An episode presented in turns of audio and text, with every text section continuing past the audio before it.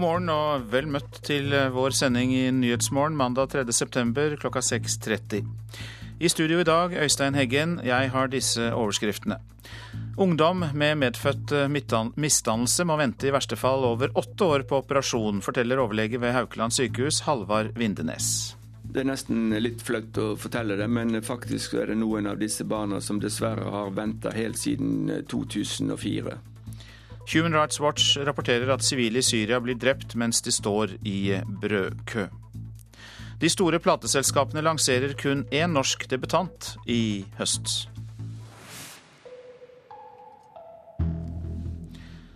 Ungdom med såkalt hareskår må i verste fall vente i over åtte år før de får operasjonen de har krav på.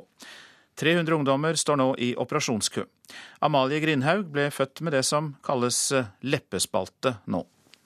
Det er jo noe du alltid kanskje har tenkt på siden du var liten, at og håper jeg kan få fikse dette her. Det kan være en leppe som er for stram, eller en nese som ikke gir nok luft. En flat profil eller en åpning mellom munn og nesa som ikke er tett. Det er òg at de ikke får puste skikkelig, og det de spiser og drikker kommer gjennom nesen når de har spist det. Det er jo kjipt at det skal kunne skje. Men når spaltebarn blir ungdom, skal alt det her rettes opp.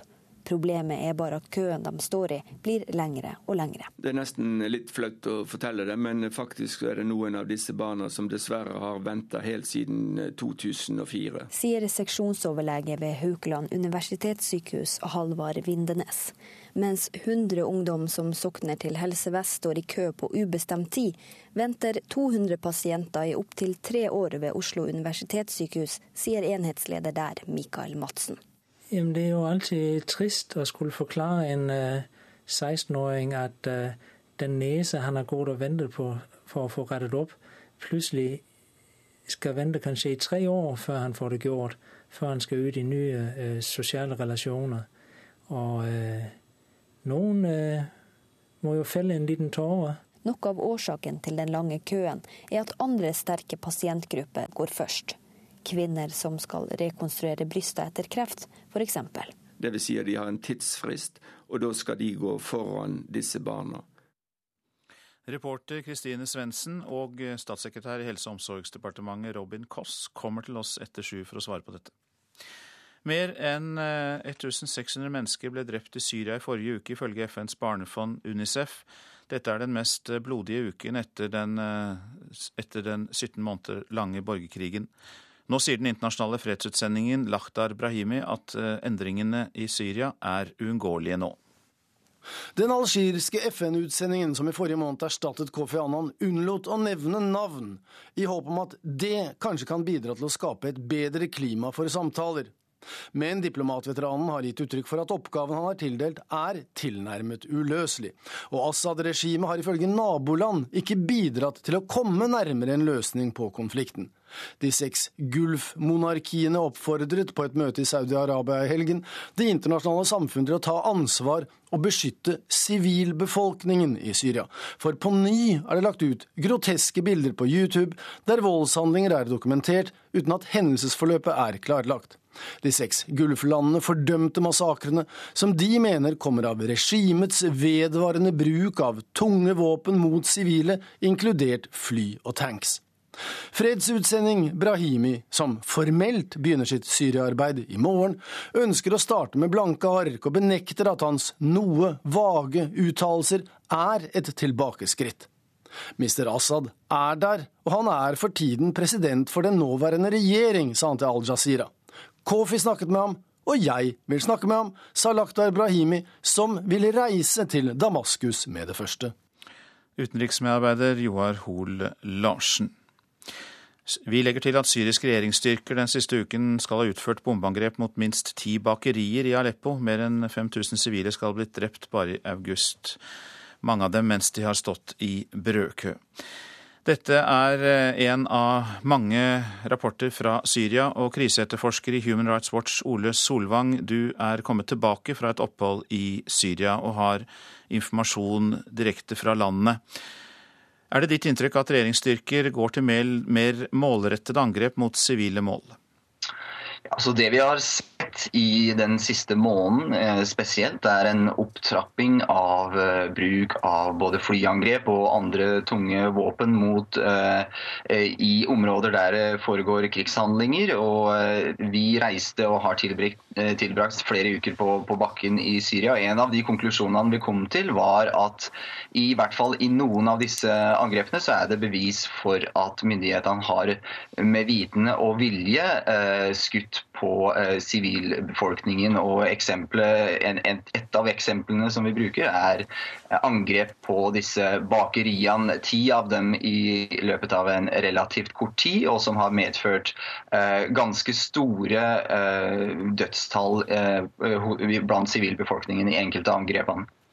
Og Da kan man jo tolke det slik at disse angrepene på bakeriene og brødkøene er et bevisst valg fra myndighetene?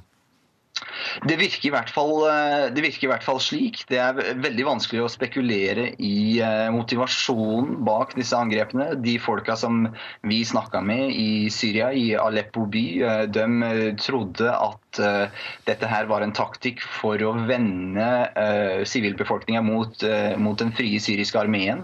Eventuelt for å, å terrorisere sivilbefolkninga. Men det som er klart, er i hvert fall at det er ikke en tilfeldighet når, det er, når du har ti slike angrep på relativt kort tid, så er ikke det lenger noe tilfeldighet. Og dette her er veldig alvorlig overgrep mot internasjonal overrett, og og, og dette her kvalifiseres som krigsforbrytelser.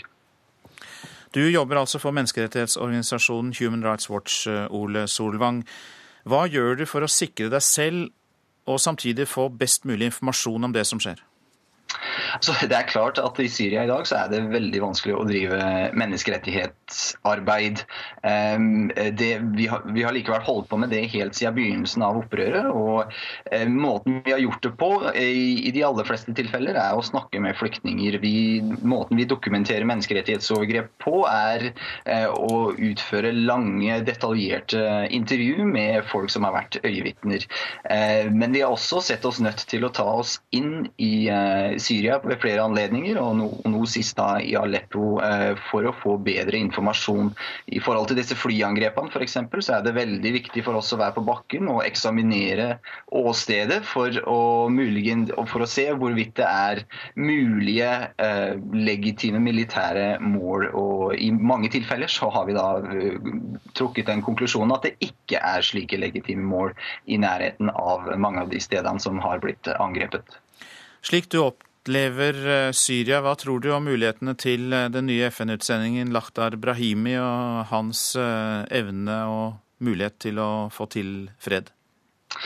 Så det er klart Både Anan og, og hadde og Brahimi har en, en, voldsomt vanskelig oppgave. Det er ikke noe tvil om det.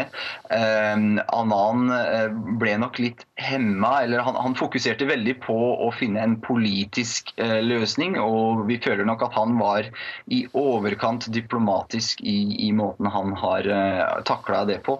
Eh, vi håper vel at Brahimi skal være litt mer rett fram i, i forhold til det han sier, og at uh, i de tilfellene der det finnes bevis for at uh, myndighetene står bak overgrep, at han sier det, det, det klart. Og selvsagt at han sier det klart i de tilfellene der uh, opposisjonen står bak. Han har, han har, en veldig vanskelig oppgave, men, men, men det er klart at han, han, må prøve. Mange takk skal du ha, kriseetterforsker i Human Rights Watch, Ole Solvang. Ni medlemmer av de tyrkiske sikkerhetsstyrkene er drept i kamp mot kurdiske opprørere, ifølge sikkerhetskilder. Sammenstøtene skal ha funnet sted i provinsen Shernak, nær grensen mot Syria og Irak. Det er både soldater og politifolk blant de drepte, i tillegg minst åtte personer som er blitt såret. Striden mellom de tyrkiske regjeringsstyrkene og de væpnede kurdiske gruppen PKK er blitt mer intens de siste månedene. Grunnlegger av den omstridte enhetskirken, Sun Myong-moon, er død 92 år gammel. Enhetskirken er kjent for å arrangere massebryllup, og så seint som i vår så ble over 1000 par viet av Moon. Men kritikerne mener den religiøse bevegelsen hjernevasker medlemmene, og hevder at enhetskirken er en farlig sekt. Nå til dagens aviser. Slår full nettbankalarm. Nå herjer hackerne i Norge, skriver Dagbladet. Oppdatering av Java-programvare er viktig for brukere av nettbank. Derfor bør du binde renta nå, skriver VG på sin forside. Sist fastrenta var så lav, styrte Einar Gerhardsen og kong Haakon landet. Hver femte rektor i Bergen har tenkt å slutte, er oppslaget i Bergens Tidende. Lav lønn, høyt arbeidspress, dårlig inneklima, mye byråkrati og lite tid til pedagogikk er rektorenes hverdag. Meglere selger meg søppel, er oppslaget med investor Øystein Strais Betalen i Finansavisen. Meglerfirmaene er ikke meglere lenger, de er bare motparter gjennom at de driver egenhandel, sier Spetalen til avisa. Konsulentselskaper får stryk, leser vi i Dagens Næringsliv. Leverer ikke det kundene vil ha, er lite fleksible og trege med å fornye seg, og de sliter med å forsvare prisen de tar, viser ny rapport. Lå død i to uker. Hjemmehjelpen snudde ved døren, skriver Aftenposten. En 92 år gammel Oslo-kvinne skulle utredes for demens, men møtte ikke opp. Hun ble verken hentet eller etterlyst. Kom på besøk, ikke i begravelsen, er oppslaget i Dagsavisen. Skandalene florerer i eldreomsorgen, skriver avisa, men på Ammerudhjemmet i Oslo jobbes det for en lysere alderdom, der venner og familie skal være en del av hverdagen. Skulle mobbes til selvmord, skriver Stavanger Aftenblad om 14 år gamle Stian. Han er et av 45 000 barn i Norge som blir utsatt for mobbing på nettet. Og mer om mobbing får vi også litt seinere i sendinga. Kun én av tre studenter blir helsearbeidere, skriver Klassekampen. Om trenden ikke snur, vil Norge mangle mellom 45 og 57 000 helsearbeidere i 2035, viser rapport. Nektes toppskole for mattegenier, kan vi lese i Vårt Land. Roger Elstad startet eh, Norges toppidrettsgymnas i 1981, men har nå fått avslag på Norges realfaggymnas, som skulle utvikle de beste elevene til nye høyder. Jentene erobrer reiselivsstudiet, forteller Nasjonen. Nærmere tre av fire studenter med fordypning i naturbaserte reiseliv ved Universitetet i Ås er jenter. Desperate gravide krevde å føde for tidlig, er oppslaget i Nordlys. For å rekke fristen for å få barnehageplass neste år, ba foreldre om å få satt i gang fødselen tidligere ved Universitetssykehuset i Tromsø.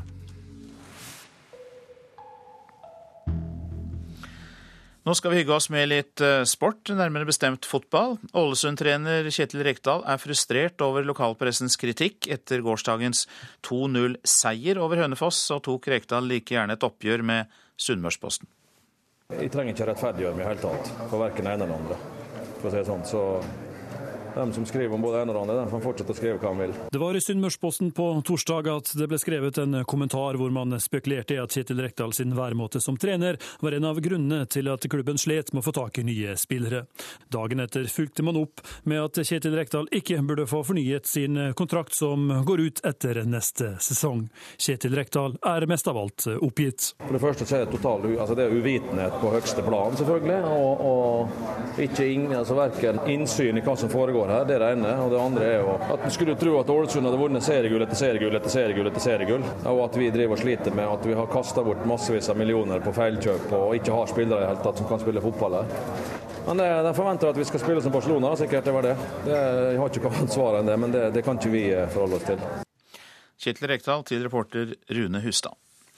Strømsgodset-trener Ronny Deila mener hans lag ikke er gullfavoritt, og at bare medalje vil være en stor prestasjon. I går ble det nok en kamp uten tre poeng for laget fra Drammen.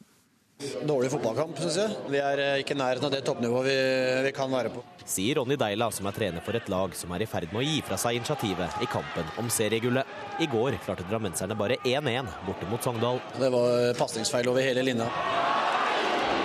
Ettersom Molde tapte for Brann i går, leder fortsatt Deila og K Eliteserien. Men også Rosenborg nærmer seg på tabellen. Vi, vi må bare jobbe steinhardt videre og så prøve å ta med oss flest mulig poeng.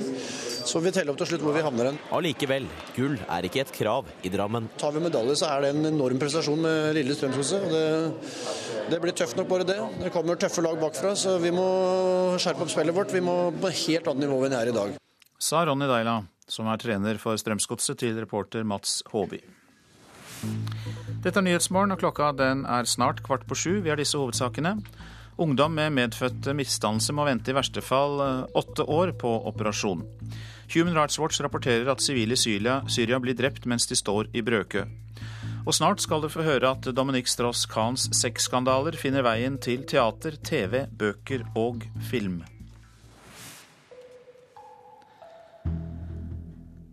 Nå først om mobbeuka som starter i dag over hele landet. Nytt i år er at de voksne står i fokus under mottoet 'Voksne skaper vennskap'. Og derfor er du her, statssekretær i Kunnskapsdepartementet Elisabeth Dale. God morgen. God morgen, ja. Hvorfor er de voksne så viktige? De voksne er veldig viktige, eh, fordi at vi har alle sammen et ansvar for å skape et godt eh, oppvekstmiljø for barn og unge.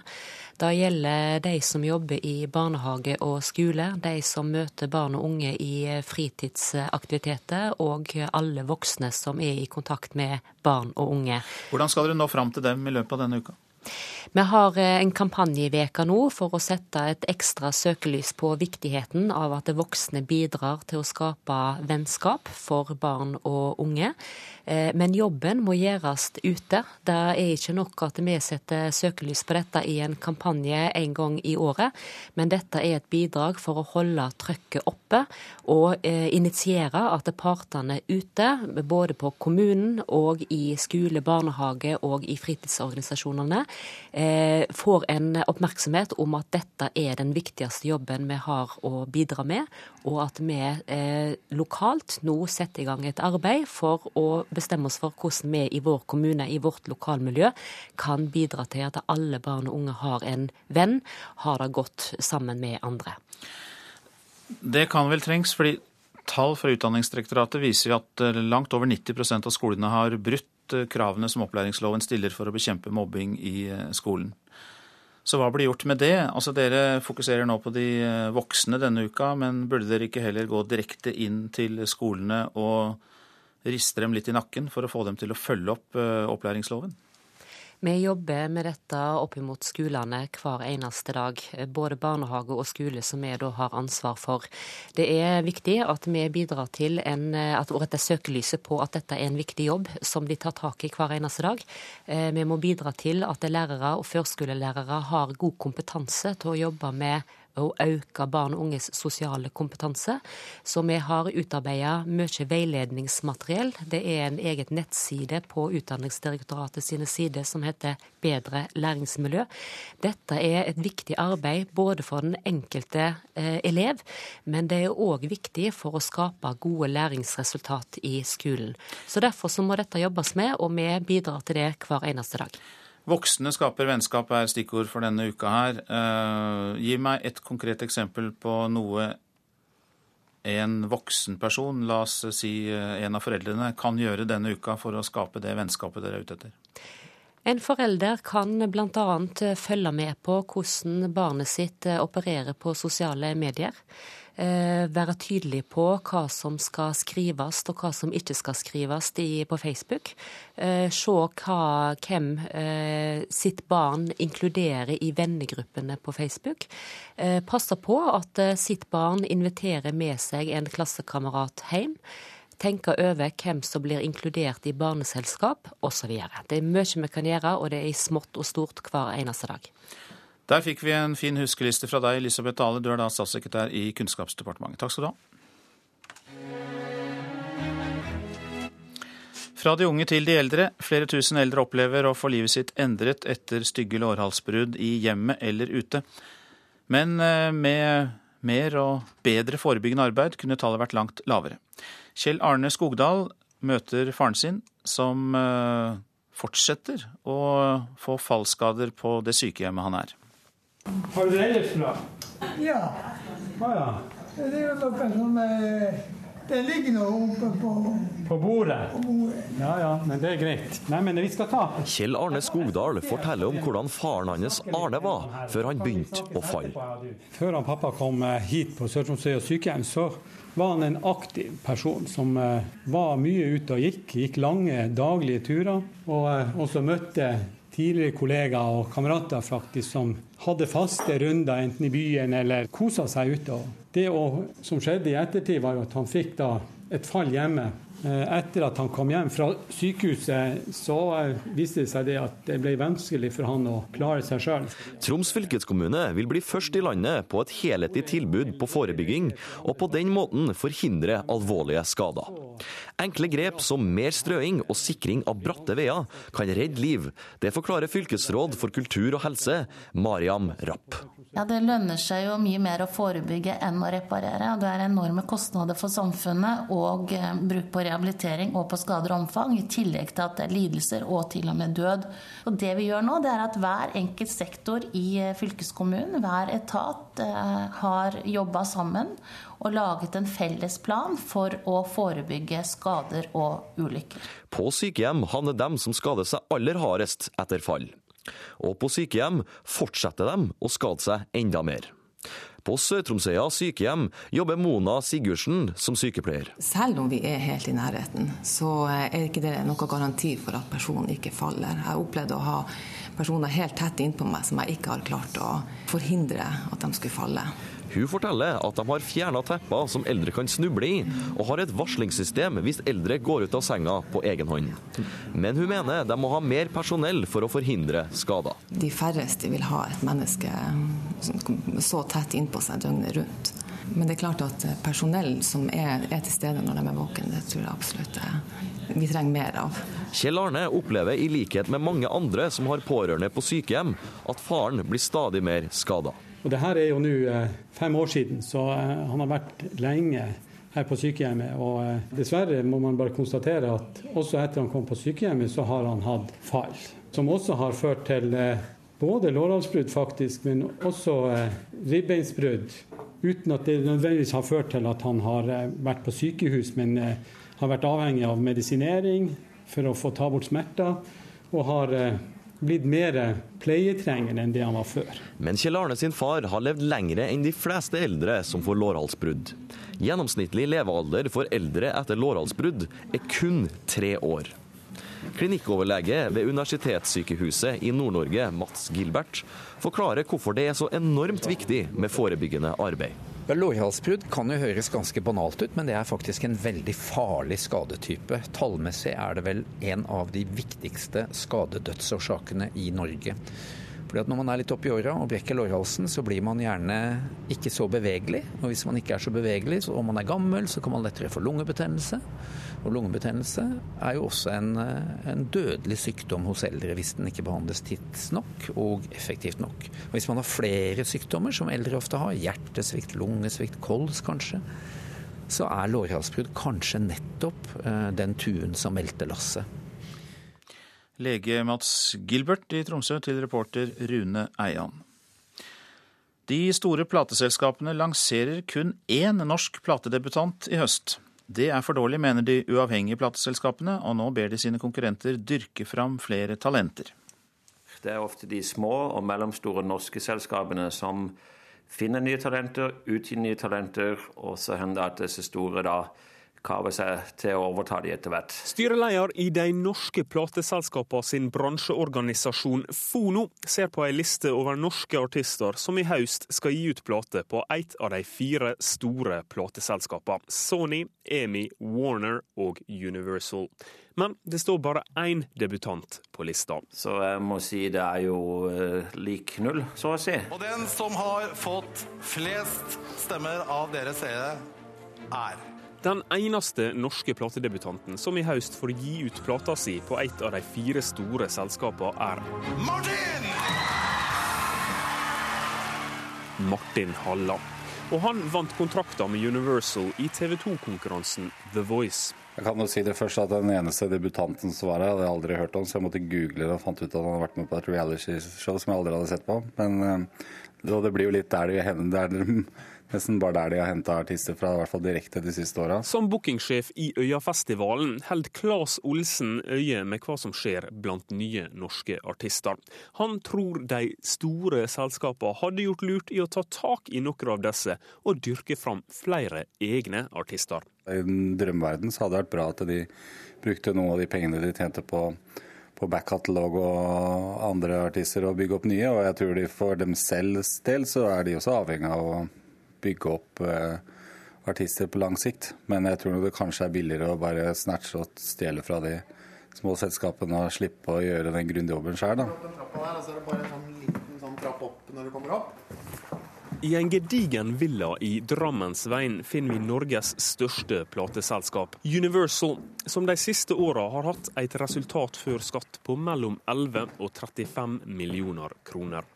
I sitt kontor helt øverst i tårnet til den ærverdige bygninga sitter norskansvarlig Yngve Næss. Én norsk debutant fordelt på alle de fire store er for dårlig, innrømmer Næss. Det er helt klart altfor dårlig. Og det eh, mener jeg da at Universal kunne sikkert vært bedre på. Det har ikke noe problem med å si. Men når det er sagt, har ikke de kommersielle selskapene et utprega samfunnsansvar, mener Ness. Vi jobber jo ikke for å fremme nye artister i utgangspunktet. Vi jobber jo for å fremme nye artister vi tror kan nå et publikum. Reporter Sondre Bjørdal. Den franske skuespilleren Gérard Depardieu skal spille en Dominique Strauss-Kahn-lignende figur i en ny film. Skandalen rundt den tidligere IMF-sjefen og politikeren skal gjengis og tolkes både i bøker og på teater, TV og film. Oui, parce que je l'aime pas. Donc je vais le faire. Je pense qu'il est un peu comme tous les Français, un peu arrogant, oui. Jag gillar inte DSK, alltså Dominique Strauss-Kahn. Just derfor har jeg lyst til å spille en roll som handler om honom. Det sier den verdensberømte filmstjernen Gérard Depardieu i en uppmärksammad intervju i tv. Det er kjent at har man for mye makt, som vissa politikere, dommere eller industriledere, så kan makten stige en mot huvudet, sier Depardieu. Que des gens qui ont des pouvoirs aussi énormes que l'argent, le FMI, ou comme des grands magistrats, Gérard Depardieu ska spela den skandalomsusade före detta IMF-chefen Dominique Strauss-Kahn i en film av den amerikanske regissören Abel Ferrara.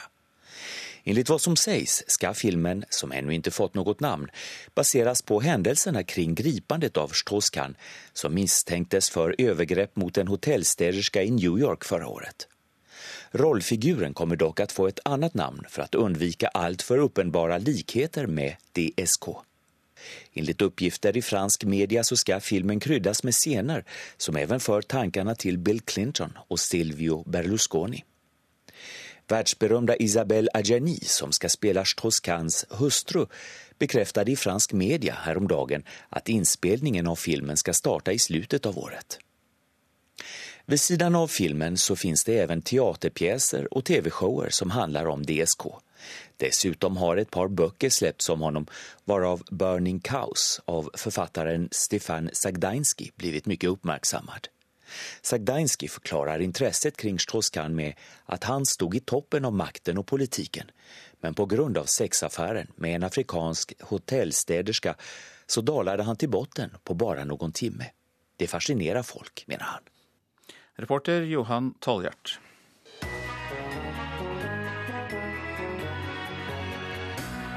Halvparten av aksjemarkedet i verden er i hendene på roboter. Dvs. Si automatiske spekulanter som gjør jobben mye fortere enn vi mennesker klarer. Men nå advarer skaperen av aksjeroboten mot den stadig økende hastigheten på børstransaksjoner. Hør aksjerobotenes historie og mer om hvor farlige de faktisk er i Radioselskapet på P2 klokka 11. Værvarselet tar vi nå. Langfjella, perioder med liten kuling. Utpå dagen dreiende sørvestlig. Litt regn vesentlig i vest. Fjellet i Sør-Norge unntatt Langfjella. Opphold og perioder med sol. Østafjells først på dagen litt regn i Vest-Agder. Vesentlig i vest. Ellers stort sett opphold og perioder med sol østafjells. Vestlandet sør for Stad regn eller yr. I kveld forbigående stort sett oppholdsvær og kuling i nord. Møre og Romsdal stort sett opphold. I kveld stiv kuling på Sunnmøre. Trøndelag sørvestlig periodevis stiv kuling, sterk kuling i sør. Fra i ettermiddag minkende til frisk bris. Regn og regnbyger i Trøndelag, etter hvert stort sett opphold. Nordland og Troms får av og til liten kuling i dag. Det blir regnbyger i de to fylkene. Stedvis kan det også bli litt sol. Finnmark i kveld sørvestlig liten kuling på kysten, enkelte regnbyger, men også perioder med sol. På vidda opphold og til dels pent vær, men lokal morgentåke. Ellers enkelte regnbyger, perioder med sol. Nordensjøland på Spitsbergen blir det regn av og til. Temperaturer målt klokka fem i natt. Svalbard lufthavn seks, Kirkenes ni. Vardø og Alta begge ti. Tromsø-Langnes elleve. Bodø tolv. Brønnøysund elleve. Trondheim-Værnes ti grader. Molde tolv. Bergen-Flesland 13, Stavanger også 13. Kristiansand-Kjevik 14 grader. Gardermoen 9, Lillehammer 7, Røros 4 og Oslo-Blindern 9 grader klokka fem i natt.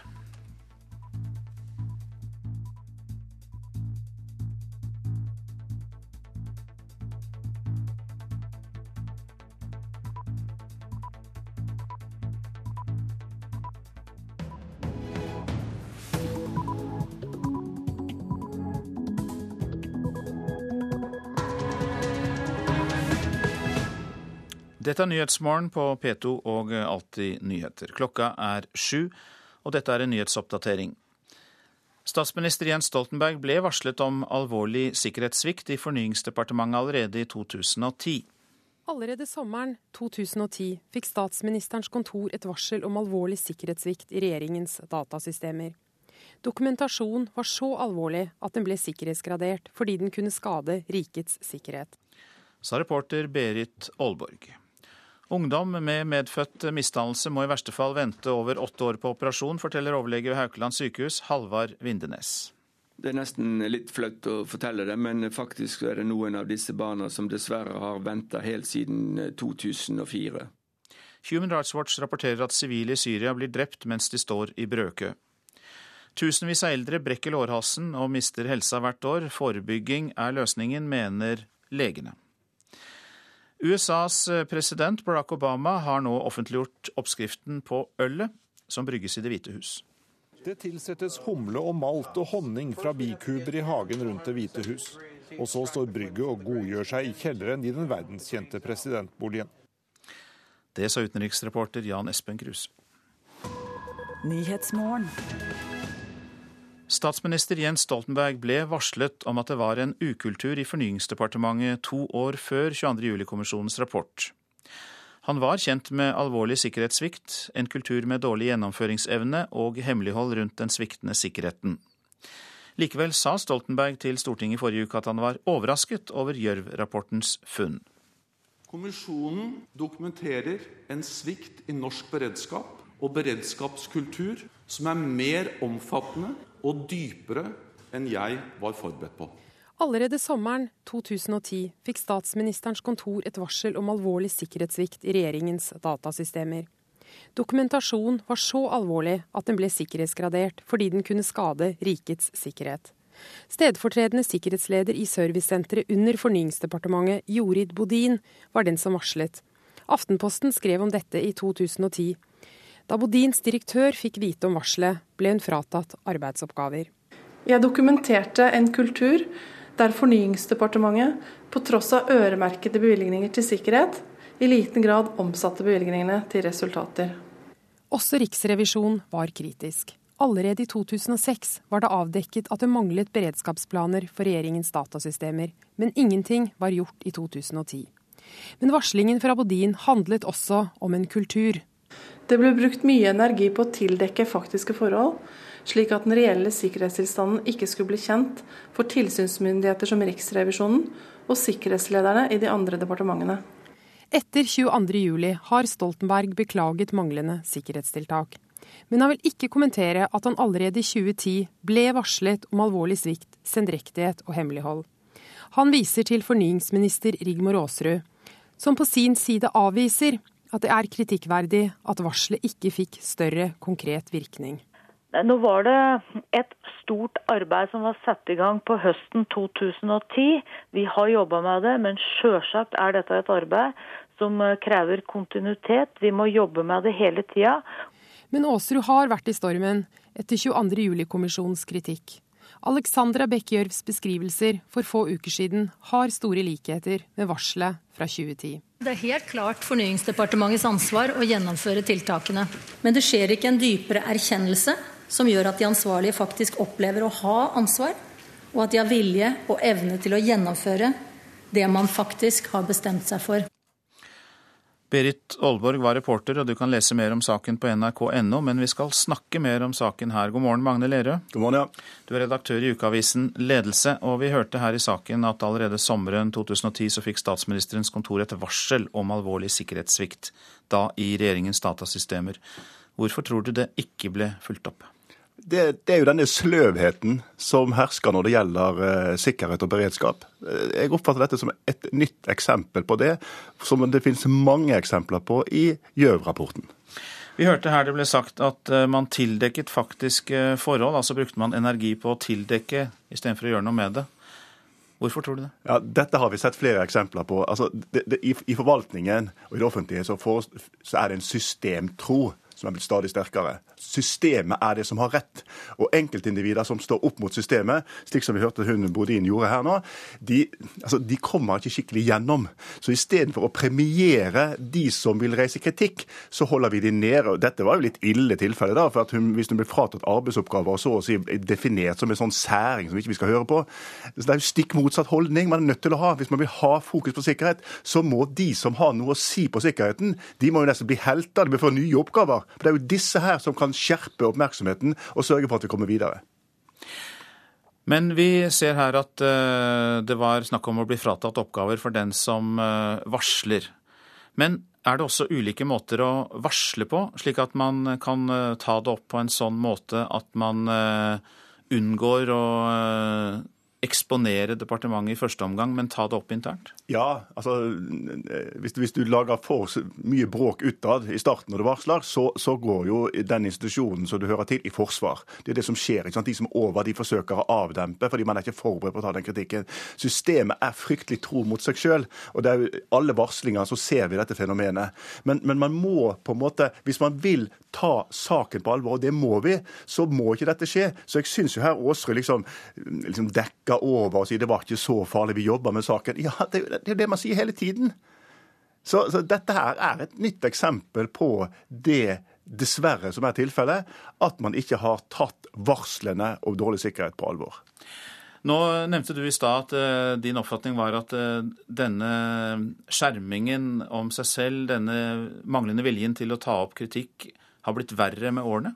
Ja, altså det skjer en slags sånn disiplinering i offentlig sektor. Nå skal liksom alle si, alle som er ansatte, skal si helst det som statsråden ville ha sagt. Slik at kritikk på manglende bevilgninger eller ting som er kritikkverdig, det koster det mye mer for ledere i dag å si. Vi har profesjonalisert på en måte forvaltningen, og da er det litt blitt sånn i næringslivet at vi sier bare det som vår institusjon og vår organisasjon er tjent med. Slik at veldig mye av kritikk i dag holdes unna fordi på en måte det er, det er, det er for plagsomt. Vi skal heller støtte opp om det som er linja, og sørge for at vi når målene, og drive med alle disse andre tingene. ikke sant? Eh, eh, Istedenfor å ha en hard debatt om ting er bra nok, så vil så ønsker ledelsen at de som er under, skal si at det er bra nok. Og så skal vi ta tingene internt. Men noen ting er ganske vesentlig, så det bør det være offentlig debatt om. Så er det noe egentlig myndighetene burde oppfordre mer til, så er det kritikk fra folk som er nede i systemet. Og det er kun det som gjør at vi blir bedre. Ikke at man stuer dette bort og gjør de som kommer med kritikken, til noen særinger. Mange takk for at du kom til Nyhetsmorgen, Magne Lerøe, redaktør i ukeavisen Ledelse. Nå om ungdom med leppe- eller ganespalte, for de må i verste fall vente i over åtte år før de får operasjonene de har krav på. 300 ungdommer står nå i operasjonskø. Amalie Grindhaug ble født med det som tidligere ble kalt for eh, hareskår. Det er jo noe du alltid kanskje har tenkt på siden du var liten, at å, håper jeg kan få fiksa dette her. Det kan være en leppe som er for stram, eller en nese som ikke gir nok luft. En flat profil eller en åpning mellom munnen og nesa som ikke er tett. Det er òg at de ikke får puste skikkelig, og det de spiser og drikker kommer gjennom nesen når de har spist det. Det er jo kjipt at det skal kunne skje. Men når spaltebarn blir ungdom, skal alt det her rettes opp. Problemet er bare at køen de står i, blir lengre og lengre. Det er nesten litt flaut å fortelle det, men faktisk er det noen av disse barna som dessverre har venta helt siden 2004. Eh, Sier seksjonsoverlege ved Haukeland universitetssykehus Halvard Vindenes. Helse Bergen er ett av to sykehus i landet som tar seg av barn født med spalter. Men ved sykehuset klarer de bare å operere rundt ti sånne pasienter i året. Nå står 100 ungdommer i kø. Vi er i en situasjon der vi må beklage at vi ikke kan få gjort dette ut fra den totale operasjonsstuekapasitet som finnes. Mens ungdom som sokner til Helse Vest må vente på ubestemt tid, står 200 i kø i opptil tre år ved Oslo universitetssykehus. Det forteller enhetsleder der, Mikael Madsen. Jamen, det er jo alltid trist å skulle forklare en 16-åring uh, at den nese han har gått og ventet på for å få rettet opp, plutselig skal vente kanskje i tre år før han får det gjort. Før han skal ut i nye uh, sosiale relasjoner. Og noen må jo felle en liten tåre. Noe av årsaken til den lange køen er at andre sterke pasientgrupper går først. F.eks. kvinner som skal rekonstruere brystet sitt etter kreft, sier Vindenes. Dvs. Si at de har en tidsfrist, og da skal de gå foran disse barna. Oslo universitetssykehus har en lignende forklaring. Andre pasientgrupper blir prioritert høyere. Nå etterlyser leder ved Klinikk for kirurgi og nevrofag, Olav Røise, klarere rettigheter til spaltebarn. Jeg skulle ønske at eh, vi hadde veldefinerte pasientløp. De små barna de blir operert på det tidspunktet de medisinsk skal gjøres, og det håndterer vi. Disse, som da er ungdommer, de har vi utfordring med. Og jeg mener egentlig at de burde ha et, et, et tidsperspektiv på å få løst sitt problem, svarende til det man, vi har fått til hos de små barna. Vindenes tror noe av årsaken til at ungdommene har blitt nedprioritert, er at de ikke er blant dem som roper høyest. Nei, de gjør nok ikke det. For det er vel gjerne ikke så veldig greit å stå på barrikadene og fortelle om sine problem som de har midt i ansiktet. 19 år gamle Amalie Grindhaug har måttet vente så lenge på sin operasjon at hun har ombestemt seg. Hun lever godt med utseendet hun har, men vet at mange andre kunne snakka klarere, pusta lettere og hatt bedre selvtillit hvis de hadde fått operasjonen sin. Jeg syns at de kanskje burde prioritere oss ungdommer litt òg, og gi oss en garanti på at uh, innen maks to år f.eks. så skal det ha skjedd noe. da. Du skal i hvert fall slippe å gå og vente med postkassen i flere år uten å få vite noe. Og det var Kristine Svendsen som hadde laget denne reportasjen. Statssekretær i Helse- og omsorgsdepartementet Robin Koss, god morgen. God morgen.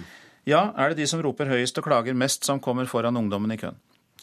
Det dette i hvert fall viser, er at når det gjelder denne pasientgruppen, så har ikke sykehusene kontroll på eh, ventelistene. Her er det riktignok bare to stykker, men det er da noen som har ventet fra 2004. og da mener jeg da, det, da, går det ikke an å skylde på at eh, brystkreftrammede får operasjoner i 2012. Her er det en eh, manglende kapasitet som har fått utvikle seg over eh, flere år. og Derfor så har helseministeren bestemt at vi må innføre tidsfrister også for disse pasientene, slik at de får klare rettigheter, som også legen tok til orde for i denne reportasjen.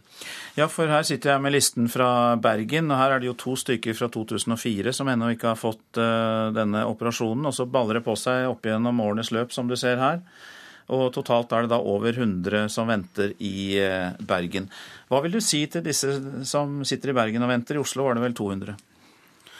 For det første så syns jeg at alle vi som har ansvaret for helsevesenet, burde beklage. Det er ille at den type situasjon får utvikle seg over tid. Vi så det når det gjaldt rekonsesjon etter brystkreft. Vi hadde noe lignende som har blitt ryddet opp i når det gjaldt atrieflimmeroperasjoner. Så det er helt avgjørende at når en sånn situasjon utvikler seg, at man griper fatt i det. Så Derfor så går det et oppdrag til Helsedirektoratet å samle fagfolkene, også representanter for pasientene, og lage pasientforløp, lage tidsfrister, så man får rydda opp i denne situasjonen. Du startet med å si at helseminister Anne Grete Strøm Eriksen nå skal innføre en tidsfrist for disse ungdommene. Hvor lang blir den? Det må fagfolkene sammen med pasientene avgjøre. Men det er i hvert fall helt klart at den situasjonen som vi har nå, hvor ventetidene vil bli bare lengre og lengre fordi man da opererer færre enn det det kommer nye barn til. Sånn kan vi ikke ha det, og derfor så ryddes det opp. Men på hvilken måte kan dere styrke kapasiteten? For det nytter vel ikke bare å henge opp et skilt og si at her har vi en tidsfrist? Nei, eh, i noen tilfeller så må man jo eventuelt bruke kapasitet i utlandet eller eh, andre steder. Nå er dette veldig avanserte eh, operasjoner, så det er ikke så lett å bare finne alternativer. Men det som vi var opptatt av når det gjaldt å løse situasjonen for brystkreftrammede, var å komme med friske penger. Da kom vi med 50 millioner, slik at det vi gjør der, ikke skal gå på bekostning av disse barna. Men nå må de lage gode regionale planer. Og så er det også sånn at i Norge gjelder det fritt sykehusvalg, sånn at eh, selv om man står på en liste i Bergen, så kan man eh, opereres i eh, Oslo eller andre steder hvor man eventuelt lager kapasitet. Men det som er litt spesielt med situasjonen til de barna her, er jo at kirurgene gjerne, gjerne ønsker å følge opp barna over tid, og det er kanskje ikke så fordelaktig å flytte barna fra sykehus til sykehus, men jeg tror på at man kan løse dette, slik at man ikke har en situasjon som bare blir eh, verre og verre, sånn som nå. Tidsfristen kommer. Takk til deg, statssekretær i Helse- og omsorgsdepartement, eh, Robin Koss. Du lytter til Nyhetsmorgen. Klokka passerte nettopp kvart over sju. Vi har disse hovedsakene. Statsminister Jens Stoltenberg ble varslet om alvorlig sikkerhetssvikt i Fornyingsdepartementet allerede i 2010. Ungdom med medfødte misdannelser må vente opptil åtte år på operasjon. Nå blir det innført en tidsfrist, det hørte vi nettopp Robin Koss sa, for at de skal få operasjon. Og følg med, så får du høre at USAs president Obama nå offentliggjør oppskriften på ølet som brygges i Det hvite hus. I dag møtes for første gang alle de nordiske utenriks- og forsvarsministrene til et felles nordisk ministermøte i Bodø. Og vi har med oss eh, begge de norske ministrene, utenriksminister Jonas Gahr Støre og forsvarsminister Espen Barth Eide fra Bodø. Hvorfor dette fellesmøtet, Støre? Ja, Det er en forlengelse av et stadig tettere nordisk samarbeid. Eh, forsvarsministrene møtes ofte, utenriksministrene møtes ofte. Vi har felles mål vi ønsker å nå. og Det At vi nå kommer sammen, det gir en mulighet til å diskutere i et forum av både forsvars- og utenriksministre, og gjøre det i Bodø, hvor vi både kan få en ordentlig orientering om den sikkerhetspolitiske situasjonen i nord, og også på Hovedredningssentralen om den sivile kapasiteten. og fra samtalen i går kveld og utover nå i dag, så er det mye å diskutere og et veldig god ramme å møtes i. Forsvarsminister Espen Barth Eide, merker man på forsvarssektoren, altså innenfor Nato, de trange tidene i Europa? Nå tenker jeg da på materiellinnkjøp og bevilgninger.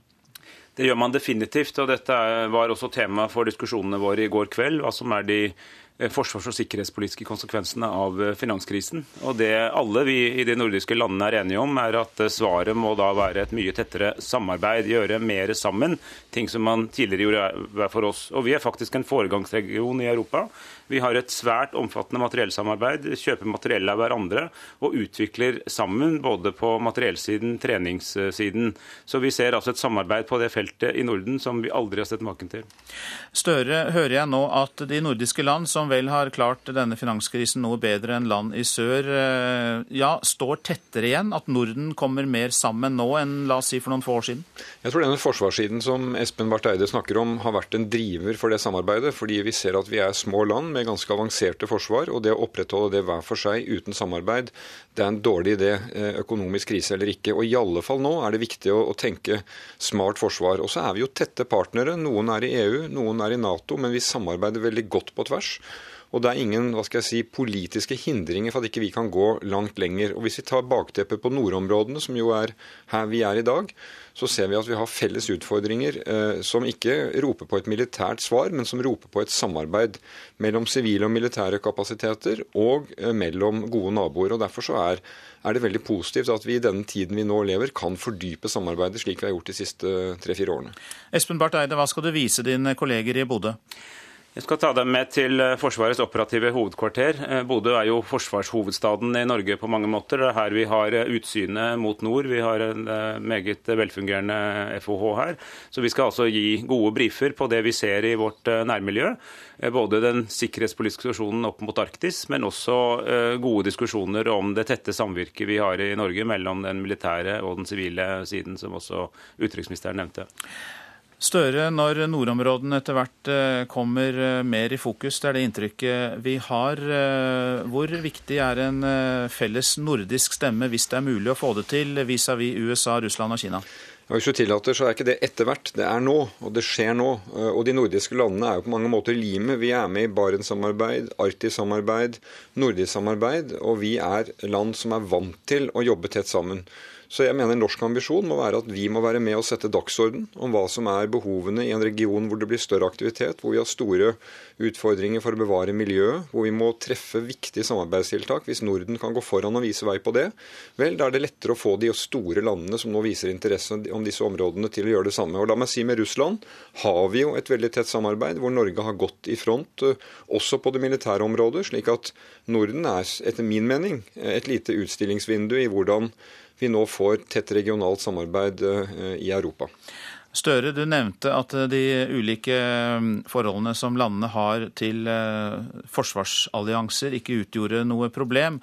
Men eh, hvis vi skal plukke fram det som eventuelt er stridstemaer mellom de nordiske land, hva ville det være på et sånt møte som dere, dere er på nå? For å være ærlig så er det ingen stridstemaer lenger. Tidligere så var det nesten tabu å diskutere disse spørsmålene i den nordiske kretsen da vi var tilbake i den kalde krigen. Men det er nå ryddet tilbake eh, og, og vekk. Så har vi selvfølgelig utgangspunkt fra der vi ligger. Geografi er viktig for uh, sikkerhetspolitikken. Men det er altså ikke noen problemsaker som hindrer oss å gå videre. og som du husker, så laget Thorvald Stoltenberg en rapport på vegne av utenriksministrene for en, tre år siden. Og den er vi nå i ferd med å gjennomføre det aller meste av uh, allerede nå etter en tre-fire år. Og det viser at det er både behov og mulighet for at Norden samarbeider her, og det er ingen hindringer verken av politisk eller institusjonell karakter. Hvis jeg kan få legge til programleder, så er det jo slik at uh, Sverige og Finland i dag har et meget uh, omfattende samarbeid med Nato. Norge har et omfattende samarbeid med EU, også på det sikkerhetspolitiske feltet. Og Sverige var faktisk den største utenlandske bidragsyteren på den store Nato-øvelsen Cold Response tidligere i år. og Det er et eksempel på at uh, tidene skifter. Espen Barth Eide, forsvarsminister, og utenriksminister Jonas Gahr Støre, takk til dere fra det felles nordiske ministermøtet i uh, Bodø. Nå til Afghanistan. Der har amerikanske spesialstyrker delvis stanset opplæringen av afghanske rekrutter. Årsaken er at minst 45 Nato-soldater hittil i år har blitt drept av afghanske kolleger. Deler av styrken skal granskes for mulige bånd til Taliban, forteller NRKs utenrikskommentator Gro Holm, som nå er i Afghanistan. Ja, dette dreier seg først og fremst om det såkalt afghanske lokale politiet, som er en slags eh, politi-light-styrke eh, som amerikanerne i sin tid tok til orde for for raskere å få mange eh, politifolk i Afghanistan. Så Det er altså ikke det ordinære politiet. Jeg tror ikke det får følge for overføringen i og for seg, men nå innrømmer jo både ISAF og afghanske myndigheter at det kanskje har gått litt fort. Eh, og at man har tatt litt lett på klareringen av de som skal rekrutteres. Eh, jeg tror ikke det får følge verken for antall som eh, rekrutteres, eller for så vidt for overdragelse. Men det er klart at noen steder så vil det gå litt langsommere enn det har vært planlagt til nå. Men dette at minst 45 Nato-soldater skal ha blitt drept av afghanske kolleger hittil i år, er det et tegn på at Taliban trapper opp motstandskampen? Ja, dette med å infiltrere politi og væpnede styrker er jo noe Taliban har sagt er en del av deres strategi. Og det viser jo at de faktisk er effektive, at de har lykkes i dette forsettet. Jeg tror nok også man skal ta med i dette regnestykket at de har en del å spille på.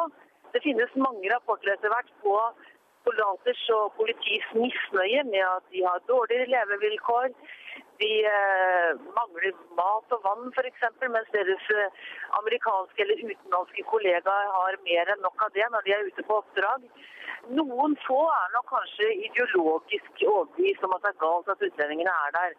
Men jeg tror at det store flertallet eh, skyldes mer gnisninger internt i forbindelse med samlivet med utlendingene, rett og slett. At her er det ja, de føler seg ydmyket i veldig mange sammenhenger. Her går de inn og gjennomfører operasjoner som bestemmes av de utlendingene de er med, eh, og de blir et slags haleheng. Og de er kanskje ikke alltid enig i det som skjer eh, på bakken. Gro Holm fra Afghanistan. USAs president Barack Obama har nå offentliggjort oppskriften på ølet som brygges i Det hvite hus. Etter at presidenten ga bort en flaske øl under valgkampen nylig, så krevde stadig flere å få vite hvordan ølet lages. and we are very excited because we are brewing our second round of, of White House beer. This round we're actually brewing. Dette er veldig spennende. Vi brygger nå den andre runden med øl her i Det hvite hus, sier Sam Cass, som er assisterende kjøkkensjef hos den amerikanske presidenten. I en video der det er lagt på rikelig med musikk, vises hele prosessen i det eksklusive mikrobryggeriet. So what you do is you put this in the in the beginning stages. After that, you add in the hops. Det tilsettes humle og malt og honning fra bikuber i hagen rundt Det hvite hus. Og så står brygget og godgjør seg i kjelleren i den verdenskjente presidentboligen. Det var Obama selv som skaffet utstyret til mikrobryggeriet, og de ansatte brygger ølet på sin fritid, heter det i videoen. Og det var presidenten som sørget for at det ble masse styr rundt denne saken. Hey, over 21, you gotta buy a beer. Under en valgkamptur i delstaten Iowa sa Obama at alle tilhengere over 21 år burde kjøpe det lokale ølet. Og ikke nok med det, presidenten ga en flaske av sitt eget hjemmeproduserte øl til en av de frammøtte. Dermed begynte stadig flere å kreve at Det hvite hus offentliggjorde oppskriften.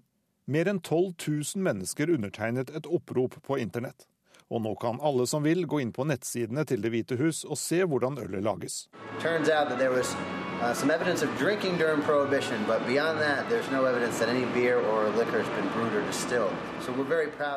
Dette er nok første gang det lages alkoholholdig drikke i Det hvite hus, sier kjøkkensjefen, som er svært stolt over å ha vært med på å innføre en ny tradisjon i presidentboligen. Selv om han slett ikke er objektiv, hevder han at ølet smaker svært godt. God, that is one incredible beer, if I do say so myself. America, I wish everybody could taste this, but we, uh, we don't quite brew enough. Alle burde fått smake ølet, men det brygges dessverre ikke nok til det, sier kjøkkensjefen med et beklagende skuldertrekk. Hvis det blir Mitt Romney som vinner presidentvalget i november, så blir det nok en brå slutt på ølbryggingen, for mormonere sier nei til alkohol. Den sittende presidenten bruker ølet for alt det er verdt i valgkampen. Han har til og med laget en ny vri på slagordet 'four more years', fire år til. Bare hør på dette.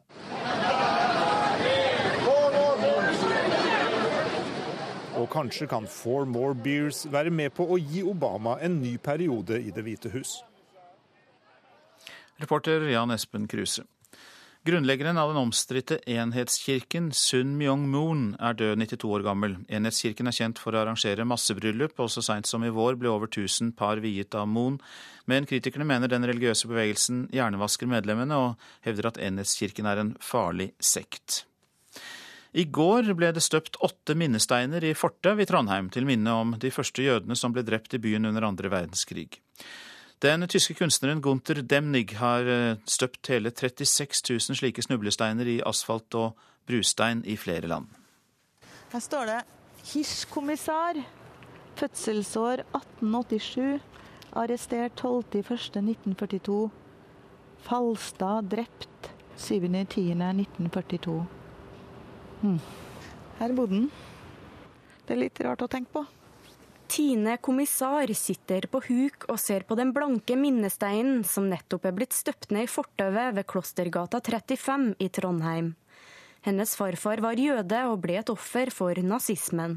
Jeg syns det er rørende på en måte at det er lagt ned en sånn stein. Og så syns jeg det er fint at det for framtida nå er et minne om den i Trondheim.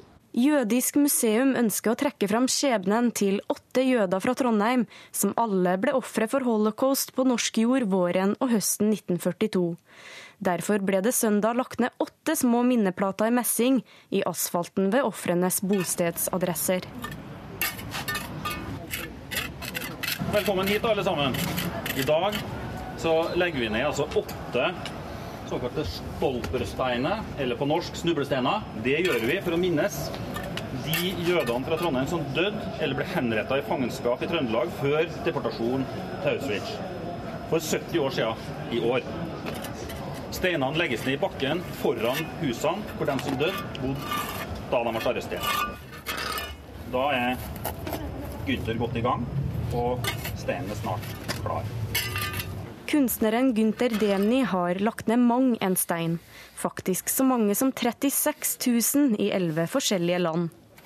Han har allerede gravd i Oslos fortau, og etter at jobben er gjort i Trondheim, drar han videre til Larvik. Um, I can say I'm lucky to be here in Trondheim and can realize the Stolperstein project. Uh, I think it's a good uh, way to remember what happened, uh, what the Germans did, and uh, depart, deported uh, the Jewish people. Det er mange steiner å legge ned.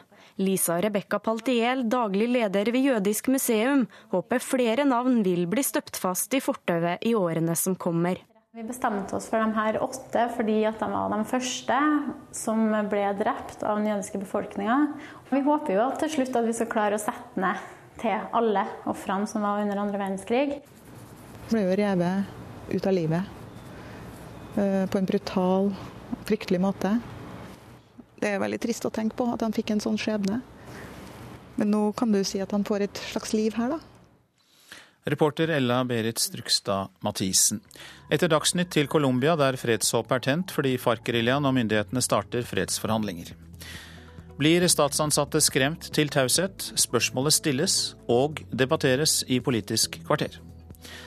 Prosent for Nyhetsmorgen i dag, Ulf Tannes Fjell. Her i studio, Øystein Heggen.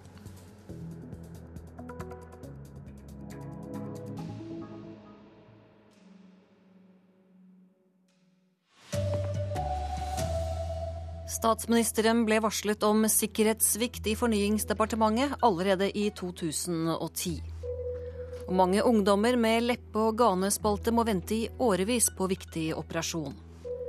Og Molders Ole Gunnar Solkjær tar selvkritikk etter stortapet mot Brann i går.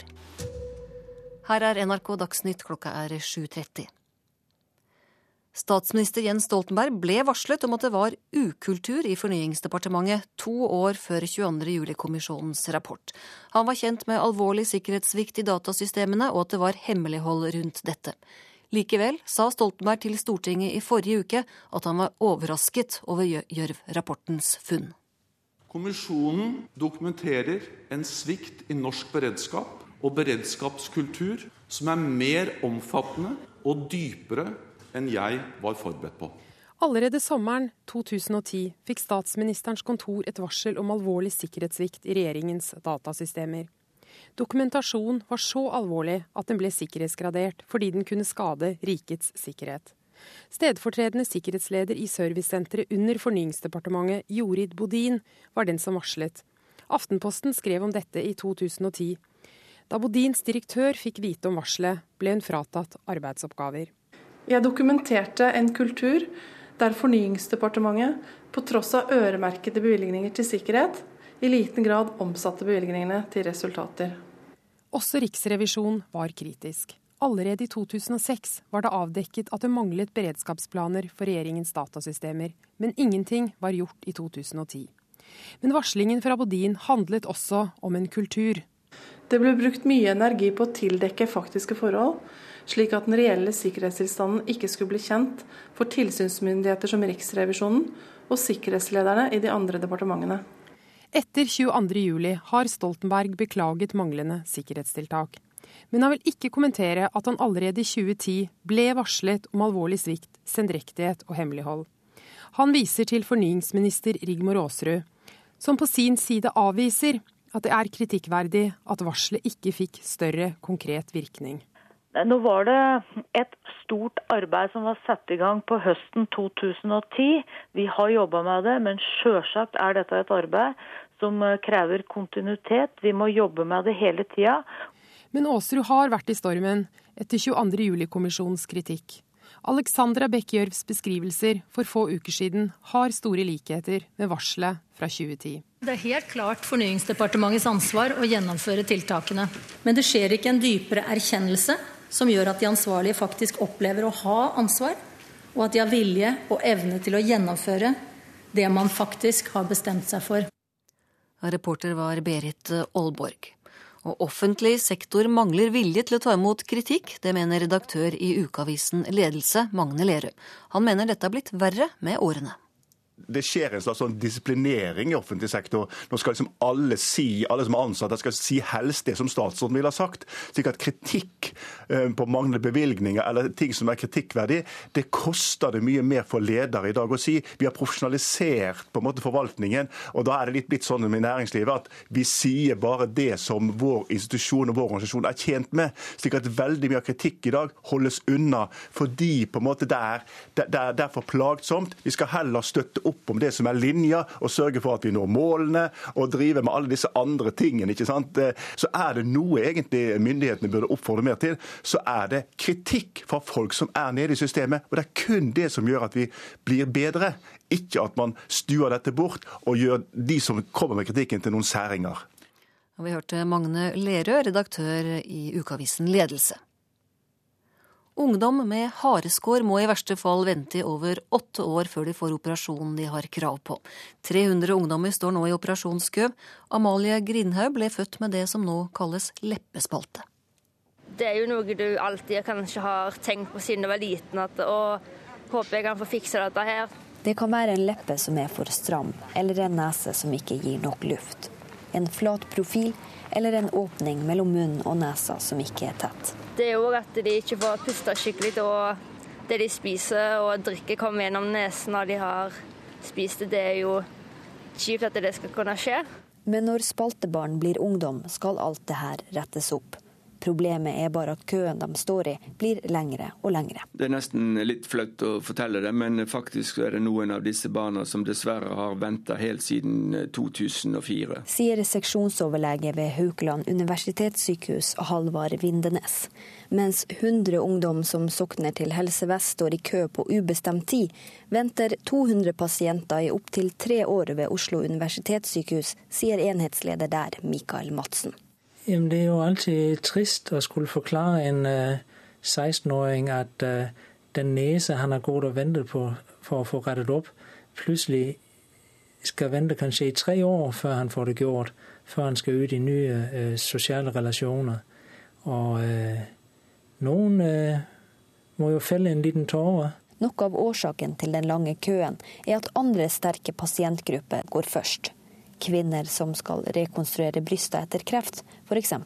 Dvs. Si at de har en tidsfrist, og da skal de gå foran disse barna. Reporter var Kristine Svendsen. Og det er uakseptabelt at barn og ungdom skal vente i årevis på en operasjon de har krav på. Det mener statssekretæren i Helse- og omsorgsdepartementet, Robin Koss, og han lover opprydning ved sykehusene. For det første så syns jeg at eh, alle vi som har ansvaret for helsevesenet, burde beklage. Det er eh, ille at den type situasjon får utvikle seg over eh, tid. Vi så det når det gjaldt rekonstruksjon etter brystkreft. Vi hadde noe lignende som har blitt ryddet opp i når det gjaldt atrieflimmeroperasjoner. Så det er eh, helt avgjørende at når en sånn situasjon eh, utvikler seg, at man griper fatt i det. Så Derfor så går det et oppdrag til eh, Helsedirektoratet å samle fagfolkene, også representanter for pasientene, og lage pasientforløp, lage tidsfrister, så man får rydda opp i denne situasjonen. Flere tusen eldre får kortere liv etter lårhalsbrudd, og det kunne vært hindret, mener fagfolk. Flere støttemuligheter og sikring av bratte veier kan være nok til å spare mange for fallulykker. Rundt 9000 personer brekker lårhalsen hvert år, og eldre mennesker lever i snitt bare tre år etter et lårhalsbrudd. Den sørkoreanske pastoren og grunnleggende av Moon-sekten, Song Myon-moon, er død.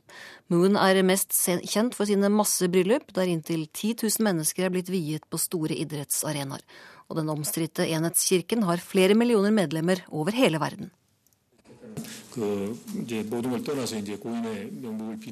Meldingen om den selvutnevnte Messias sin bortgang kom ikke overraskende. Den 92 år gamle pastoren har vært syk en måneds tid, og døde med sin kone og flere av sine 14 barn ved sin side. Lederen av Enhetskirken, som også er kjent som Den forente familie, utmerket seg på flere måter enn ved sin forkynnelse. Han var politisk svært kontroversiell, og hadde gode forbindelser til så vel Kim Il-sung som Richard Nixon. Moon var en av de få som støttet den amerikanske presidenten etter Watergate-skandalen. Motstandere av Moon har beskyldt ham for å være så vel kjetter som løgner, og har anklaget ham for å hjernevaske sine tilhengere og lure dem for penger. Den styrterike menigheten eier så vel aviser som fotballklubber, hoteller og skianlegg. På begynnelsen av 80-tallet sonet Moon et års fengsel i USA for skattejuks. Sun Myung-moon rakk å fordele ansvar og posisjoner i den finansielle delen av kirkeimperiet til familiemedlemmer før han gikk bort. Begravelsen vil bli holdt den 15. september. Det fortalte utenriksmedarbeider Joar Hoel Larsen. Og nå fotball. Molde-manager Ole Gunnar Solskjær mener at han og laget har mye å lære etter 4-1-tapet for Brann i går. Laget kom rett til Bergen etter suksess i Europa, og Solskjær legger ikke skjul på at omstillingen fungerte dårlig. Nå tror jeg de ser frem mot eh, to uker landslagsopphold, hvor vi skal eh, sette oss ned og se hva som har gått galt. Og så skal vi gjøre det bedre til neste gang, for vi får mange torsdags- og søndagskamper fremover. For tidligere denne uken sikret Molde seg avansement til gruppespillet i Europaligaen etter en overbevisende seier over Heerenveen i Nederland. Siden da har de tilbrakt tiden sammen i Bergen. Mentalt så var vi veldig høyt opp etter torsdag, og så har vi prøvd å nullstille og eh, være sammen og ha leve på de positive opplevelsene, men eh, enkelte ganger så kan de bli litt lei av hverandre òg, kanskje. Og nå venter et fullstappet program med hjemlig serie og cup, samt europaligaspill.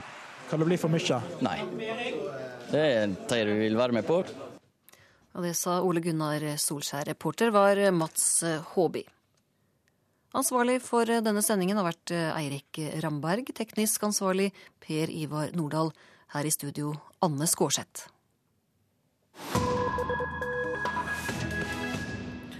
Colombia i Nyhetsmorgen, for der har fredshåpet blitt tent etter at det ble kjent at FARC-geriljaen og myndighetene er villige til å starte fredsforhandlinger. Det kan bety slutten på den brutale krigen som har pågått i nærmere 50 år. Og colombianere i Norge drømmer om å kunne flytte tilbake. Personlig har jeg veldig store forventninger. Jeg møter colombianeren Miguel Luna på en kafé i Oslo. Han måtte flykte fra hjemlandet for 19 år siden, og har siden bodd i Norge. Han er glad for å høre at FARC-geriljaen og myndighetene vil starte fredsforhandlinger. Det har vært eh, altfor mye krig i Colombia. Se han desarrollado conversaciones exploratorias con las FARC Colombias president Juan Manuel Santos bekreftet tidligere denne uka at hans regjering har hatt hemmelige samtaler med den venstreorienterte geriljaen. Det har skapt håp i Colombia om å få en slutt på den brutale krigen. Det er vanskelig å vite nøyaktig hva partene har blitt enige om, men det som er lekket til media gir grunn til optimisme. Det sier Daniel Garcia Peña, statsviter og tidligere medlem av Colombias fredskommisjon. At geriljaen og myndighetene i hele tatt har møttes i flere måneder, viser at de er seriøse og har en klar vilje til fred, mener han. Og hvis det stemmer at geriljaen er villig til å avvæpnes, slik colombianske medier skriver, er det historisk, sier Garcia Peña.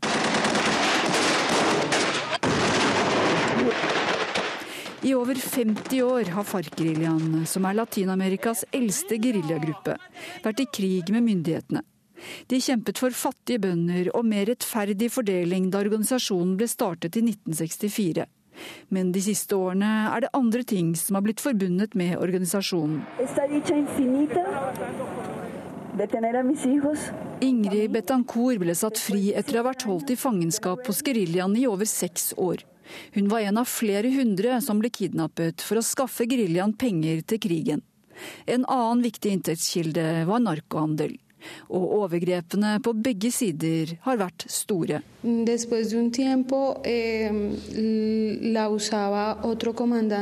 Lucia på et kvinnesenter utenfor hovedstaden forteller om en ti år gammel jente som i flere år ble holdt som sexslave hos FARC-geriljaen. Det var en utbredt praksis.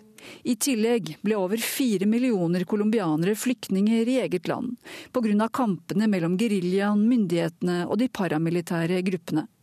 De fleste familier er rammet av krigen, forteller Miguel, som selv er politisk flyktning. Eh, jeg har sett eh, folk som har blitt torturert. Jeg selv ble også trakassert flere ganger. Eh, jeg, jeg sier at det, det nok er nok. Nå ser det ut til at begge parter har innsett at ingen lenger kan vinne krigen med militære midler. FARC er ikke lenger like sterke som de var for 10-15 år siden, og regjeringa har heller ikke lykkes med å utrydde geriljaen, selv om de har klart å drepe flere av deres ledere, sier Garcia Peña. Likevel er det langt fram til en fredsløsning. Flere forsøk har mislyktes tidligere. Fredssamtalene skal ifølge colombianske medier og landets tidligere visepresident foregå i Oslo, selv om norske myndigheter ikke vil bekrefte dette. Det sa reporter Inger Marit Kolstadbråten. Dette er Nyhetsmorgen, og dette er hovedsakene. Statsminister Jens Stoltenberg ble varslet om ukultur og svikt i sikkerheten i Fornyingsdepartementet allerede i 2010. 300 ungdommer med leppe- eller ganespalte må i verste fall vente i over åtte år før de får operasjonen de har krav på. Statssekretær Robin Koss lover opprydding ved sykehusene. Tusenvis av eldre brekker lårhalsen og mister helsa hvert år. Forebygging er løsningen, mener legene. Ja, Per Arne Bjerke, blir statsansatte skremt til taushet? Det blir vel eh, stilt spørsmål i Politisk kvarter, og det blir også debatt, har jeg skjønt? Ja, frykt, eh, munnkurv og hemmelighold er jo noen av påstandene som går igjen. Siv Jensen og Martin Kolberg diskuterer kultur og ukultur i statsforvaltningen. Og han kunne vært bestefaren til mange av stortingsrepresentantene. Inge Lønning klar for politisk comeback på Løvebakken.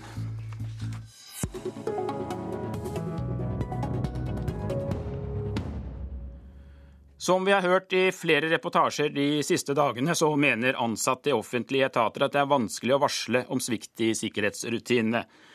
Og i morges fortalte Dagsnytt at statsministerens kontor allerede i 2010 ble varslet om svikt i datasikkerheten, uten at noe ble gjort. Leder i Fremskrittspartiet, Siv Jensen, med meg fra Stortinget. Hvordan reagerer du på det du hørte i morges, og de andre opplysningene som har kommet om varsling som ikke blir tatt til følge? Det føyer seg jo inn i rekken av eh, mange andre varsler vi mottar. Eh, det er veldig mange ute i både nødetatene, eh, Forsvaret, selvfølgelig administrasjonen her og der, som vil være anonyme når de retter henvendelser til oss for å fortelle om en, en, en, en utvikling som de ikke liker. Og De opplever å ikke bli tatt på alvor, og de opplever at man helst ikke vil få disse tingene frem, for det er bedre å få frem glansbildet. Martin Kolberg, parlamentarisk nestleder i Arbeiderpartiet. Har regjeringen vært for lite flinke til å ta sikkerhetsspørsmålene på alvor? Jeg vil svare nei på det. Eh, fordi eh, det tilfellet som programlederen nevner her i starten, eh, der er det jo ikke riktig at ikke saken ble tatt på alvor. Det var tvert imot flere møter eller i hvert fall minst ett skikkelig møte mellom statsministerens kontor og Fornyingsdepartementet, hvor også den eh, varsleren var til stede, og det ble enighet om hvordan man skulle håndtere det. Hun opplevde jo ikke slik når vi hørte henne i morges? Nei, jeg registrerer det, og det tar jeg veldig på alvor. fordi uh, da er vi over på det mer uh, prinsipielle, og det er det å si at regjeringen og Arbeiderpartiet er jo absolutt interessert i full åpenhet om det som ikke er bra. Eh, det som ikke er bra, må komme frem på en ordentlig måte, og det må håndteres med alvor og seriøsitet. Og så ligger det antageligvis litt innebygd, ikke bare litt, men noen ganger innebygd i våre systemer at de forsvarer seg. Det ser vi fra mange av eh, samfunnets forskjellige institusjoner. Men det betyr ikke at eh, det ikke nå skal tas på alvor. og Det har vært gjort hele tiden, og vi håndterer dette helt fortløpende. Men hun som varslet sier altså at hun ble fratatt arbeidsoppgaver. Og hva sier dette om kulturen i forvaltningen? Siv Jensen først. Jeg hører hva Martin Kolberg sier, og han sier at det å bli tatt på alvor, det handler om å ha minst ett møte. Jeg er uenig i det. Dette handler ikke om å ha møter, det handler om å iverksette tiltak. Det handler om handling. Det handler om å endre en kultur. Det handler om å ta de tingene som man varsler om så mye på alvor at det blir gjort endringer. Og Da hjelper det ikke bare å sitte og ha møte med de som varsler, da hjelper det med handling og tiltak. Og jeg lurer på når Arbeiderpartiet har tenkt å begynne med det. Martin Kolberg. Ja, Når det gjelder dette problemet generelt, så vil jeg bare si at selvsagt er det ikke slik at eh, dette handler om å ha et møte. Jeg bare nevnte det som et eksempel, Siv Jensen, slik at det bør ikke være noe springbrett for noe angrep på oss på det punktet. Men det som er å si, det er at det som ikke skal forsvares, skal ikke forsvares. Det som er galt, det skal håndteres. Og det er Arbeiderpartiet og regjeringens absolutte linje i disse sakene. Og det er ikke slik at vi står for noe lukket kultur.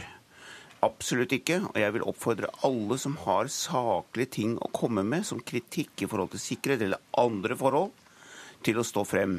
Og jeg kan love dem skikkelig og ordentlig behandling. Det er det som er Arbeiderpartiets og regjeringens linje jo, i dette men, eh, spørsmålet. Kolberg, jeg spørre deg, Det er jo slik at eh, flere føler at det er vanskelig å stå frem. og Har dere ikke da et problem, enten nå da er embetsverket eller politikerne som stopper disse varslerne? Ja, jeg har veldig vanskelig for å tro at politikerne stopper dette. Og jeg har, det er eksempler på at embetsverk kan gjøre det og har gjort det. Misforstått lojalitet mot politikerne? Ja, eller mot systemet, eh, som det blir sagt. Og jeg tror det siste er like sterkt som eh, lojaliteten mot politikerne. Og dette er ikke noe som vi har noen annen holdning til enn alle andre. Vi mener at er behov for å kritisere noe internt i forvaltningen, eller i andre deler av vårt offentlige liv, så skal det komme frem. Det vil gjøre grunnlaget for å håndtere situasjonen bedre, og det vil gjøre grunnlaget for politiske beslutninger bedre. Siv Jensen, i Stortinget forrige uke så snakket du om en munnkurvkultur. I hvilken grad føler du at det nå brukes energi på å tildekke faktiske forhold? Jeg syns vi får mange eksempler på det, og saken dere har på nyhetene i dag viser jo nettopp det. Her varsler man. Eh, eh, det blir ikke tatt på alvor, det skjer ingenting. Så jeg syns jo ut fra Martin Kolbergs uttalelser at det ikke er spor av selvransakelse her i det hele tatt. La meg ta et annet eksempel, nemlig Forsvaret. Det er jo sånn at Stortinget er helt avhengig av å få forsvarsfaglige vurderinger når vi skal ta en endelig beslutning om hvor, hvordan Forsvaret skal utvikle seg. Men de forsvarsfaglige rådene får ikke vi lenger, fordi alt handler nå om forsvarspolitikk. Og Går du ut og snakker med folk som er ansatt i Forsvaret, så, og spør de om noen vurderinger eh, på hvordan utviklingen er, så sier de det kan jeg ikke gå inn i, for dette er jo politikk. Men det er jo ikke sant, det er ikke politikk. Det er å gi en forsvarsfaglig vurdering av om utviklingen går i rett eller gal retning. Og det er det blitt en slutt på de siste årene, og det mener jeg underbygger at det har vært en utvikling hvor man ikke vil at folk som er ansatt ute i etatene skal si sin hjertens mening. Det man skal si, er Arbeiderpartiets mening. Kolberg? Ja, jeg vil eh, benytte anledningen til å avlive ethvert angrep eh, på oss når det gjelder at vi ikke står for en åpenhetskultur, slik som Siv Jensen gjør her. Og jeg vil understreke nødvendigheten av at alle i politikken representerer en åpenhet og en seriøsitet i forhold til hva som foregår i forvaltningen. Jeg sa nettopp, og det er ikke eh, en selverkjennelse, for det er ikke nødvendig, fordi det er Arbeiderpartiets politikk og det er å si rett ut at eh, vi ønsker at alle som har noe å bidra med, skal stå frem. De skal stå frem internt. De skal håndteres seriøst. Det skal gjøres noe ordentlig med det. Og det er selvfølgelig helt uakseptabelt hvis de som står frem, blir utsatt for en eller annen form for sanksjon. Hvis det er tilfellet, så ber jeg dem komme frem, slik at da skal vi håndtere det. Og jeg vet veldig godt hvordan det skal gjøres. Men det at man, du vil at de skal stå frem internt, det handler jo om at den kritikken ikke skal nå frem til Stortinget, slik at Stortinget blir kjent med den faktiske situasjonen. Og det gjør det enda mer alvorlig. For da får vi nok rapporter fra Riksrevisjonen og andre som må påpeke dette, og så får vi denne runddansen som ender i ansvarsfraskrivelse, ansvarspulverisering, i stedet for at tiltak blir iverksatt. Er det ikke nettopp det vi har sett, Martin Kolberg? Nei. Eh, jeg skal ikke kommentere det enkelte tilfellet, men jeg, det, det, jeg vil si, er at det Siv Jensen sier nå, er å vri konsekvent på det jeg sier. Jeg gjentar for Siv Jensen og for alle andre som hører dette programmet, at vi står for en åpenhetskultur. Jeg sa ikke at ikke disse synspunktene skulle slippe fram til Stortinget. Tvert imot. Hvis det er relevant og nødvendig, så er det også vår holdning og vår politikk. Og vi har aldri stått for en linje internt i forvaltningen som hindrer en slik politikk og en slik utvikling. Eh, Siv Jensen, Hvordan kan du være så sikker på at ikke forholdene ville vært akkurat de samme dersom vi hadde hatt en borgerlig regjering der du hadde vært med? Det er litt vanskelig for meg å uttale meg om, siden Fremskrittspartiet ikke har vært i regjering. Men jeg kan i hvert fall love at en av grunnene til at vi trenger et regjeringsskifte, det er å få luftet litt ut i korridorene. Få frem en helt annen linje. Og så har jeg lyst til å si til Martin Kolberg, for nå har han gjennom hele denne debatten gjentatt sine påstander om hvordan den faktiske situasjonen er. Det er ikke sånn at eh, det blir mer sant bare Kolberg gjentar det ofte nok. Jeg syns at Arbeiderpartiet bør gå i seg selv, tenke gjennom hvorfor utviklingen har blitt som den har blitt, hvorfor man er mer opptatt av å lukke sannheter inne i et system enn å faktisk sørge for at det blir bedre. Nå kommer hele dette komplekset opp i kontrollkomiteen i forbindelse med 22.07. Martin Kolberg, hvilke initiativ vil du ta der? Du sitter jo i denne komiteen. Ja, hør. Vi har hele tiden ment like tidlig, eller kanskje tidligere enn Siv Jensen og Fremskrittspartiet, at 22. juli-redegjørelsene skulle over til kontrollkomiteen. Jeg har stått i spissen for det. Og det er å høre på Siv Jensen nå et forsøk på å slå politisk mynt på et seriøst tema. Og hun hører ikke på hva jeg sier, og hun vrir konsekvent på det. Kanskje det er litt for tidlig på morgenen. Men det er helt åpenbart slik at uten at vi står for en åpenhetskultur i politikken, så vil vi gå glipp av mange ting. Og vi vil få en forvaltning som blir innadvendt og istedenfor utadvendt og dynamisk. Det er Arbeiderpartiets politikk, og det skal de ikke herske noe tvil om. Siv Jensen? Ja, nå ble jeg beskyldt for å slå politisk mynt og ikke være våken. og Det vitner jo om at man begynner å dra seg ned på et debattnivå. Man mangler argumenter. Jeg tror Kolberg hadde stått seg på å ta påstandene som kommer fra mange tusen ansatte, på alvor. Når polititjenestemenn, brannfolk, folk i helsevesenet, folk i Forsvaret, folk i, i statsforvaltningen gir uttrykk for at ting ikke er som det bør være, at kritikk ikke kommer frem, og kanskje enda verre, at kritikk som blir fremført, ikke får konsekvenser. Og Da syns jeg at man skal gå med alvor inn i det, fremfor å komme med sånn type billig retorikk. Takk skal dere ha, Siv Jensen og Martin Kolberg.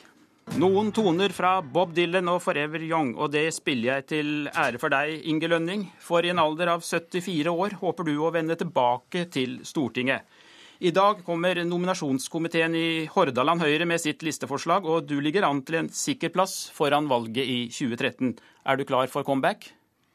Jeg er klar, og har vært eh, klar lenge for min del. Du satt jo på Stortinget i tre perioder, innvalgt fra Oslo, men eh, foran forrige valg så ble du vraket mot din vilje.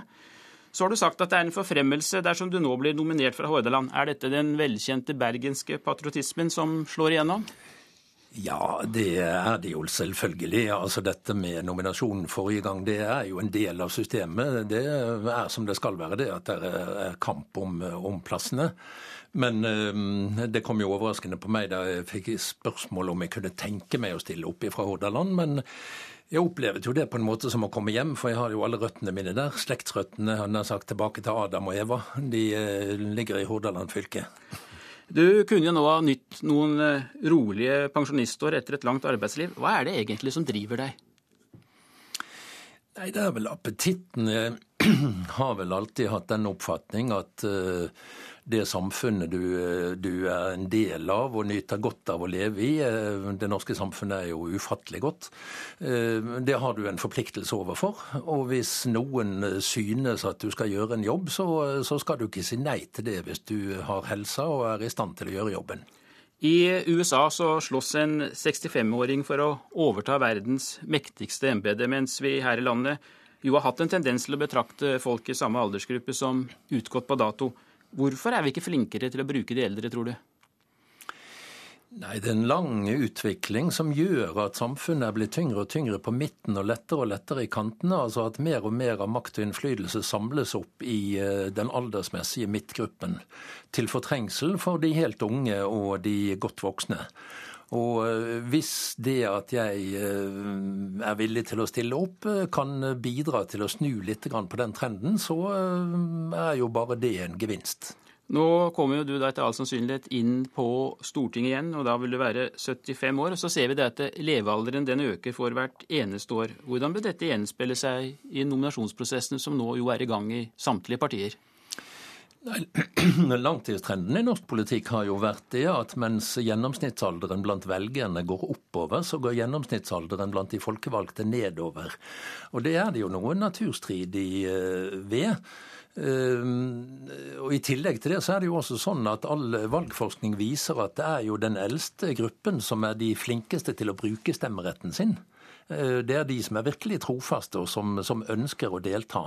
Og Da er det jo urimelig at, at, ikke den gruppen skal være synlig til stede i nasjonalforsamlingen. Ja, for Gjennomsnittsalderen i Stortinget det Stortinget ble valgt nå, var da i 2009. I, i begynnelsen av denne perioden den var 46 år, så vidt jeg husker i farten. og det er, det er også veldig mange som er helt unge. Er det for mange unge broilere i politikken uten yrkeserfaring, slik du ser det? Altså Generelt vil jeg ikke si at det er for mange unge, men, men vi har jo sett en tendens til at politikk er i ferd med å bli et yrke. At, at, det blir en profesjon som man, kult, altså man, man, man, dyrkes på en måte inn i den profesjonen fra ganske tidlig av. Og uten at man har hatt tid til verken å gjøre ferdig en utdannelse eller å samle yrkeserfaring. Og det tror jeg ikke er noen heldig situasjon. Selv var det jo godt voksen også da du ble valgt inn på Stortinget første gang. 59, ja. ja. Eh, og hva har din lange yrkeserfaring hatt å si for din innsats som politiker? Nei, altså jeg tror jo erfaring generelt, både yrkeserfaring og livserfaring i sin alminnelighet, er den mest undervurderte ressurs i, i, dagens norske samfunn. Vi har vennet oss til å tro at erfaring er noe man klarer seg godt uten, ja, ja kanskje til og med klarer seg bedre uten. Og der tror jeg nok at vi trenger å lære på ny. Når du blir ferdig med denne stortingsperioden, så nærmer du deg raskt 80 år. Har du gjort deg noen tanker om at du kanskje kan bli for gammel? Ja, på et eller annet tidspunkt blir man jo det, men uh, nå er jo naturen så godt ordnet at man blir tatt av gongongen når uh, tiden er inne. Så akkurat det har jeg ikke tid til å bekymre meg for. Takk skal du ha, Inge Lønning, og så møter vi deg kanskje i dette studio igjen som stortingsrepresentant for Hordaland Høyre. Og det var uh, Politisk kvarter. Jeg heter Per Arne Bjerke.